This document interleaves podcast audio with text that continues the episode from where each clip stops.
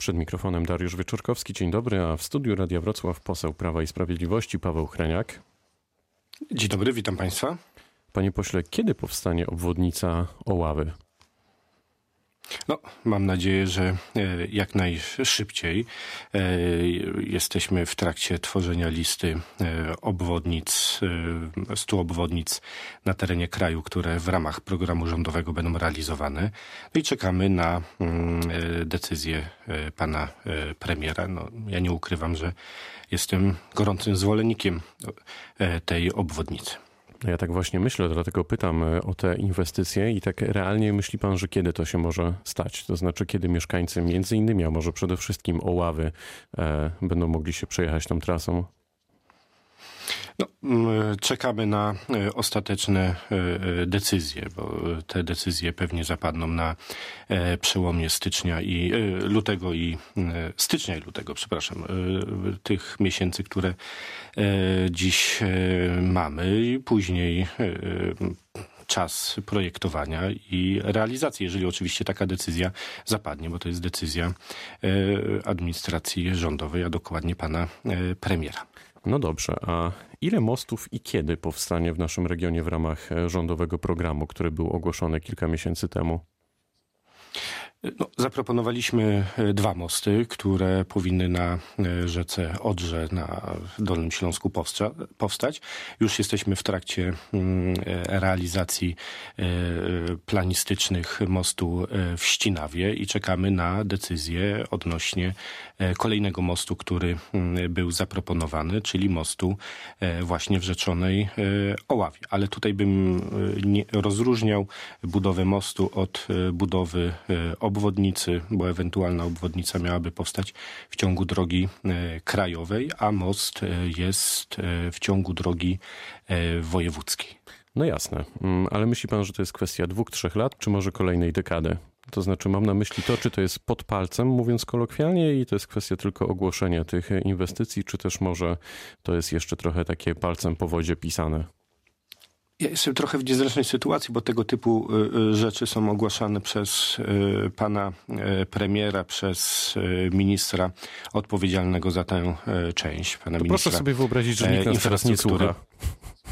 Oj, trudno. Tutaj taki pan na mnie cały czas patrzy, trudno sobie to e, e, e, wyobrazić, więc ja powiem tak bardziej dyplomatycznie. No, mamy już zapewnienie finansowania jednego mostu, jest bardzo duże prawdopodobieństwo finansowania drugiego mostu. Czekamy na decyzję, no i czekamy na decyzję odnośnie obwodnicy Oławy. Jeżeli to się wszystko zrealizuje, to tak naprawdę mamy kwestię komunikacji, problemów komunikacji komunikacyjnych e, na obszarze Oławy mm, no, załatwione.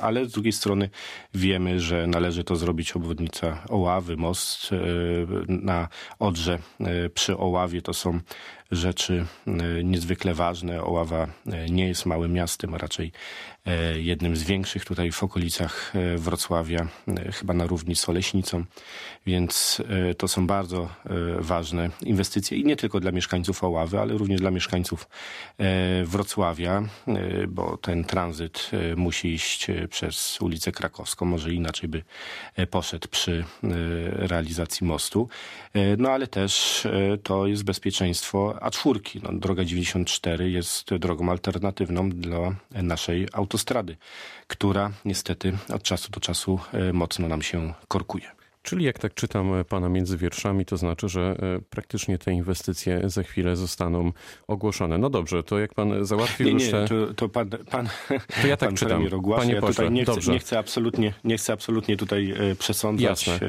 no, jak... ale jest, czekajmy. Jak, jak załatwiliśmy te inwestycje, no to rozumiem, że jest pan jednak blisko rządu i teraz pytanie jest takie, czy pan się wybiera do rządu, czy na przykład zostanie pan sekretarzem stanu? Pan redaktor zadaje bardzo miłe pytania, ale niezręczne e, e, dla mnie. To, to są pytania, na które myślę, że no, powinny paść do osób, które o tym decydują. Bardzo miło, że pan redaktor o to, o to pyta, ale myślę, że no, mm, to jest tak, że obserwuję to, co się dzieje w Warszawie. To są naprawdę bardzo dobrze przygotowani do różnych funkcji mm, politycy.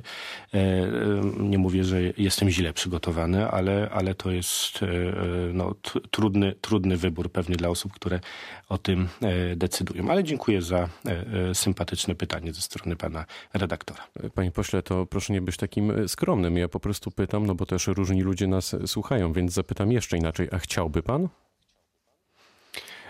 Panie redaktorze, to można się spełniać na różnych e, stanowiskach. Byłem i samorządowcem, i, i wojewodą. Dziś e, jako poseł mam wrażenie, że robię rzeczy e, ważne dla kraju, ale też dla regionu, dla, dla, dla okręgu, z którego zostałem wybrany. Ja myślę, że w każdej roli można się dobrze realizować. Jeżeli chce się pracować, to można tą pracę i satysfakcję znaleźć w różnych miejscach. No dobrze. E, czy podoba się panu reforma sprawiedliwości i jej sposób procedowania? Jeżeli chodzi o samą dyskusję, no podejrzewam, że można byłoby ją prowadzić e, w sposób e, bardziej spokojny, ale sama reforma jestem przekonany, a jestem jeszcze bardziej przekonany od kiedy jestem tutaj w Warszawie, bo obserwuję to z bliska, jest potrzebna. Dziś mamy ogromne zamieszanie. Ci, którzy opowiadają o tym, że bronią konstytucji, w moim mniemaniu no, właśnie działają wbrew e, konstytucji, wchodzą w działania tych organów, e, które za e, pewne części naszego prawa są odpowiedzialne. No, Sejm jest od stanowienia, e, sądy są od e, sądzenia. E, pan prezydent jest od między innymi mianowania sędziów i dziś to, co się dzieje, gdzie Sąd Najwyższy próbuje wejść w rolę ustawodawcy, czyli w rolę parlamentu, oceniając jaka ustawa może być, jaka nie może być, czy też w rolę pana prezydenta jaki e, sędzia może być sędzią, a jaki nie, no to, to, to według mnie jest łamanie e, przepisów konstytucji. Stąd też pewnie wniosek pani marszałek Elżbiety Witek, żeby Trybunał Konstytucyjny, bo tylko Trybunał Konstytucyjny może rozstrzygać tego, tego spory, e, za, zabrał w tej sprawie głos. Ja nie a pamiętam ty, dat, ale myślę, że... Panie pośle, a czy Trybunał nie, Konstytucyjny tak. jest w tej chwili wiarygodny i obiektywny?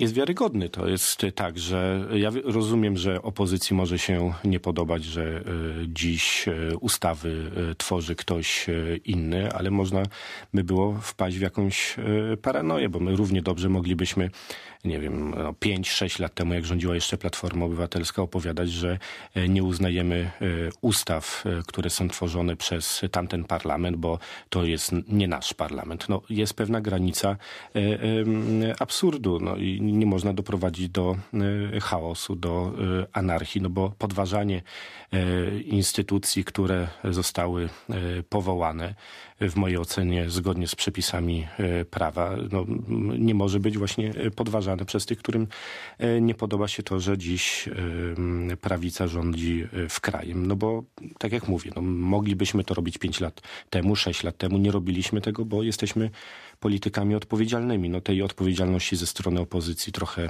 mam wrażenie, brakuje.